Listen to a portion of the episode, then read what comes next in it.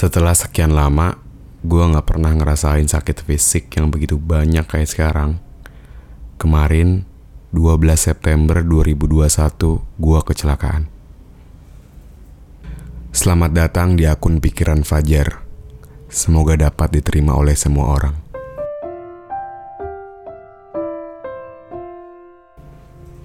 Awalnya cerita ini mau diceritain lewat Twitter, tapi karena nggak mau juga dapat attention yang kelihatan sama gua jawaban-jawabannya, akhirnya diceritain lewat podcast ini dalam segmen 3 menit. Mungkin ini bisa lebih sih. Karena yang gue pengen ceritain lumayan banyak, atau mungkin kurang dari 3 menit. Karena gue nggak mau banyak orang tahu juga. Tapi setidaknya gue mau cerita. Gak apa-apa kan ya? Minggu 12 September 2021. Kurang lebih jam 3 dini hari, gue kecelakaan tunggal. Dengan luka ringan di pergelangan tangan kanan kiri, di lutut kanan kiri, dan juga luka yang gak kelihatan di bahu kanan. Cuman sampai hari ini, tanggal 13 September 2021, gerakan gue lamban karena nahan sakit. Dan semoga nggak terjadi apa-apa juga sih. 14 jam sebelumnya gue berangkat ke kantor untuk melakukan kerjaan sampingan gue sebagai penyiar radio. Selesailah gue di jam 9an. Dan seperti biasa, gue ketemu sama teman-teman gue dan menghabiskan waktu hingga kurang lebih 5 jam. Sampai akhirnya gue memutuskan untuk pulang. Sebetulnya ini udah sering gue lakuin. Pulang pagi pakai motor. Sialnya hari itu gue kecelakaan tunggal. Gue gak tahu pasti gimana gue bisa jatuh dari motor itu. Yang gue ingat, gue kehilangan kendali di bagian depan motor. Gue masih inget banget kalau setelah kejadian motor gue jatuh, ada motor lainnya yang nyerempet motor gue. Ada dua orang di motor itu. Dan mereka juga jatuh karena kehilangan kendali akibat motor gue yang jatuh di depannya. Syukurnya gue gak kelindes sama mereka. Sesudah itu, gue berkali-kali minta maaf sama mereka. Sambil gue nundukin badan gue karena sakit akibat kebanting dari motor. Tiba-tiba mereka bilang sama gue, Kak, bannya bocor gue udah mulai curiga kalau emang itu penyebabnya. 10 menit atau 15 menit berselang, gue memutuskan untuk nyari tambal ban. Gue juga pamitan sama mereka dan meminta maaf. Akhirnya gue ngedorong motor dan gak ketemu sama tambal ban. Gue ngedorong motor lumayan jauh. Karena seingat gue, gue sampai pom bensin itu sekitar jam 5 lebih lah. Daerah gue bukan daerah yang kayak di kota. Di sini nggak ada ojek online atau sebagainya. Jadi lumayan susah buat nyari bantuan. Sesampainya gue ke pom bensin, gue chat temen gue buat minta tolong. Tapi dia masih kerja. Gue juga cuman berani sama orang-orang yang dekat aja. Gue chat saudara gue juga sih, tapi nggak ada respon. Mungkin karena udah pagi juga. Gue juga nggak berani nelpon karena rasa nggak enakan gue terlalu tinggi. Akhirnya gue nelpon teman gue yang tadi nongkrong bareng. Tapi karena jarak ke tempat gue ketemu sama anak-anak itu ngebutuhin waktu sekitar satu jam lebih, gue nggak minta tolong mereka buat ke lokasi gue waktu itu.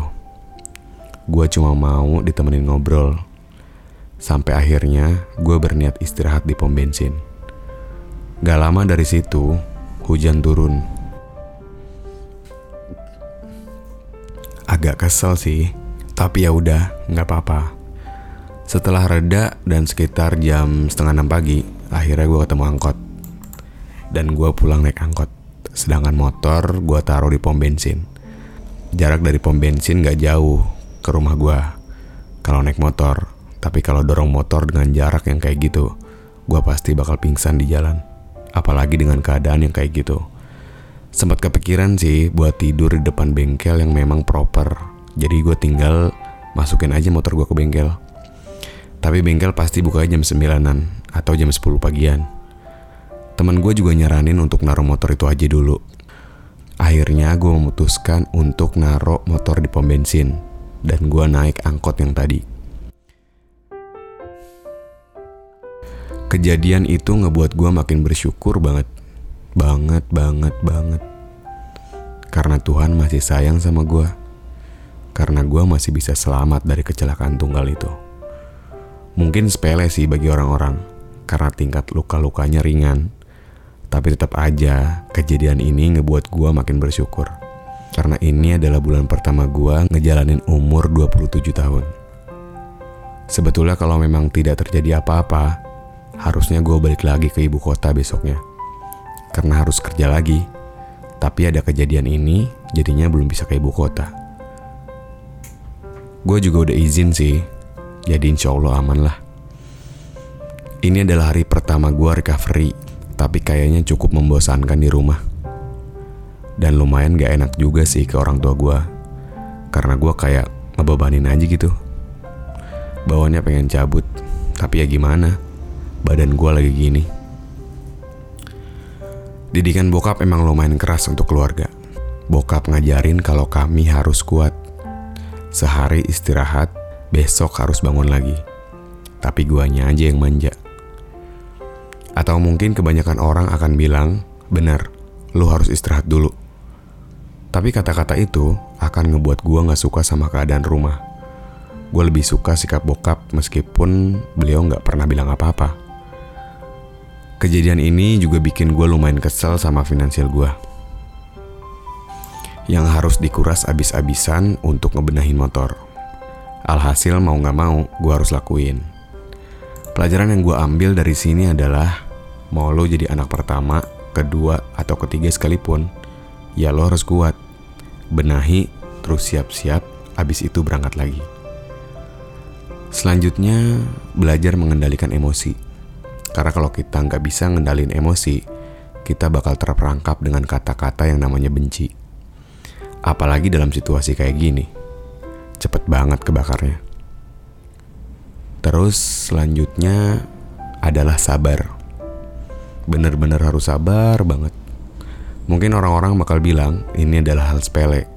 Tapi buat gue, ini momen yang mungkin gak bakal gue lupain. Seumur hidup gue, hingga hari ini nih, gue kecelakaan motor mungkin tiga kali. Dan alhamdulillahnya masih diselamatin. Makasih banget ya Allah. Terakhir, gue punya opini terhadap kejadian ini dan gue jadiin pelajaran atas kejadian ini. Gue diharusin istirahat karena gue terlalu menggebu-gebu dalam urusan duniawi.